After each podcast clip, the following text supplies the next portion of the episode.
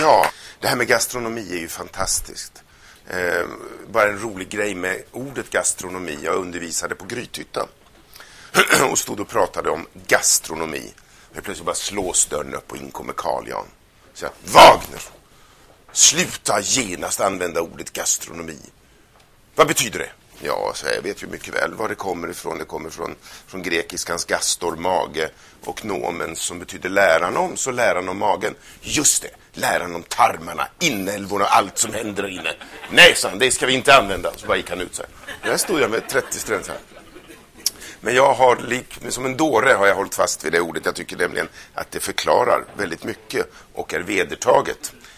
Um, jag får väldigt ofta såna här frågor som du Ulf som, som ändå kan så mycket och druckit så mycket och ätit så mycket om, om mat och dryck. Vad ska jag ha till det här vinet? Vad ska jag ha till den här maten?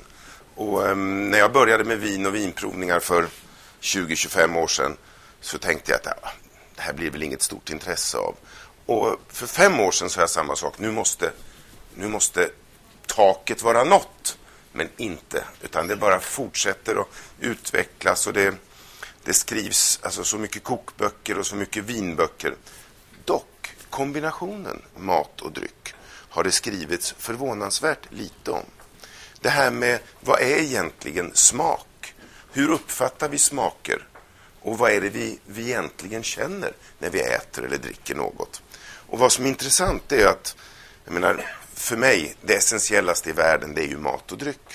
Och faktiskt hur vi har utvecklats som människor bygger bara på hur vi har kunnat äta och dricka. Eh, annars hade vi kanske varit på en helt annan nivå som människor idag. Till skillnad från vissa däggdjur. Men tittar man bakåt så är det här en av de yngsta vetenskaperna också. Vad som händer när vi äter eller dricker. Och intresset kring det här håller fullständigt på att slå alla rekord. Jag är faktiskt lite inblandad i, i ett projekt med eh, Sahlgrenska akademin och en herre som heter Mikael Nilsson just matens betydelse för att återhämta sig från, från till exempel en hjärnskada, en stroke och så vidare. Eh, ett enormt intresse kring det här. Välbefinnande och mat. Alltså bara tanken på att komma in, precis som man gör på en restaurang, och så säger någon hej, hjärtligt välkommen. Kanske en drink i baren och så vidare. Kommer man till sjukhuset, det finns knappt någon i en reception där. Man vill ha uppmärksamhet och så vidare. Men tänk om det istället vore så på ett sjukhus där man kom in och någon sa hej, har du problem? Kom, sätt dig ner, ta någonting att dricka, prata med mig. Jag tror hälften av människorna skulle gå därifrån och vara friska. Så det här med mat och dryck är jätteessentiellt. Problemet som jag säger är att det inte ännu har skrivits några 100% bra böcker i ämnet.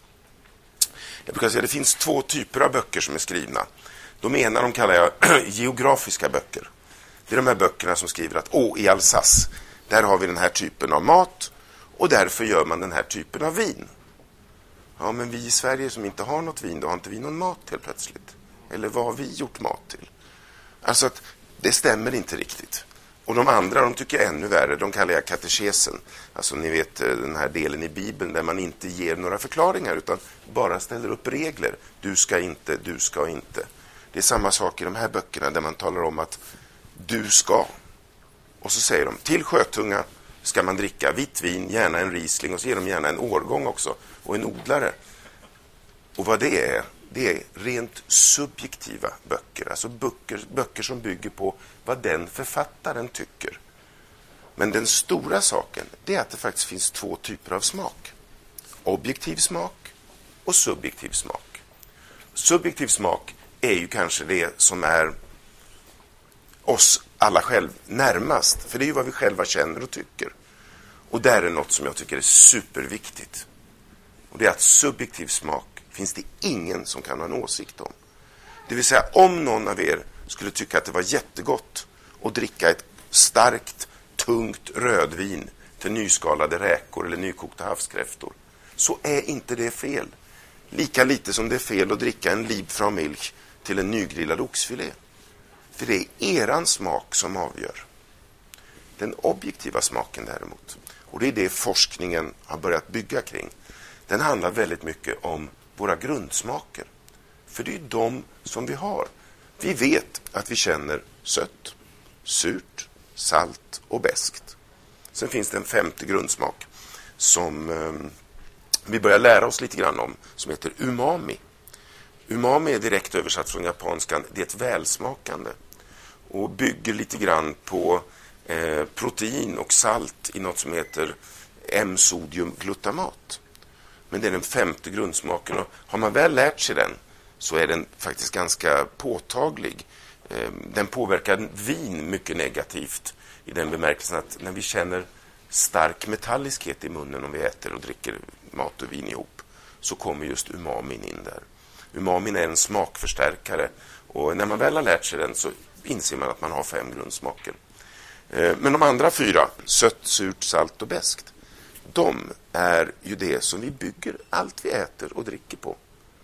Och förhållandet, hur sötma och syra, lite sälta och beska möter varandra, gör skillnaden mellan det vi ibland säger är en fantastisk kombination, det fransmännen kallar une bon mariage, eller det som blir en liten katastrof där vi inte riktigt förstår, oj vad konstigt, varför blev det så här?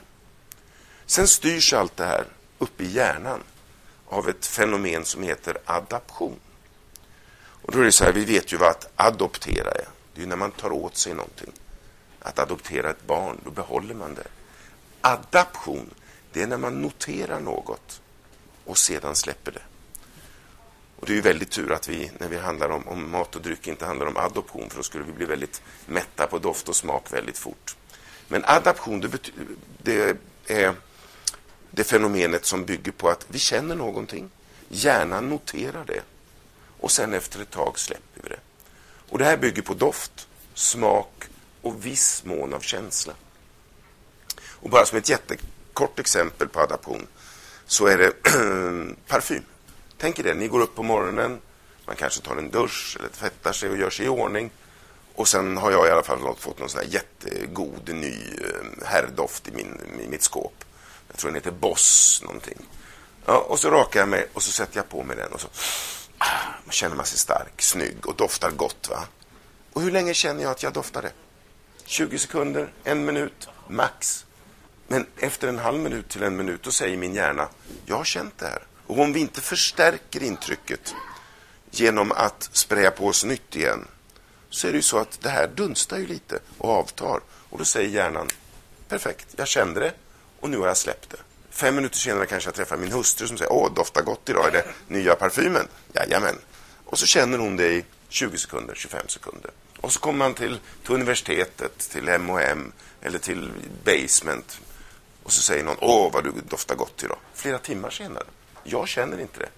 Men de känner det för en liten stund och sen har deras hjärna noterat det och så släpper de det. Det är adaption.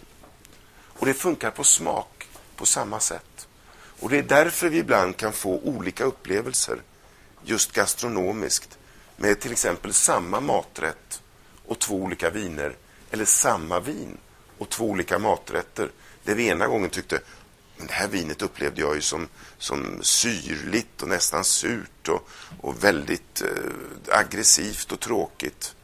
Och den här gången upplevde jag det som mjukt. Och, ja, det är just förhållandet mellan de inbördes grundsmakerna i drycken och det vi känner i maten och hur vi uppfattar dem.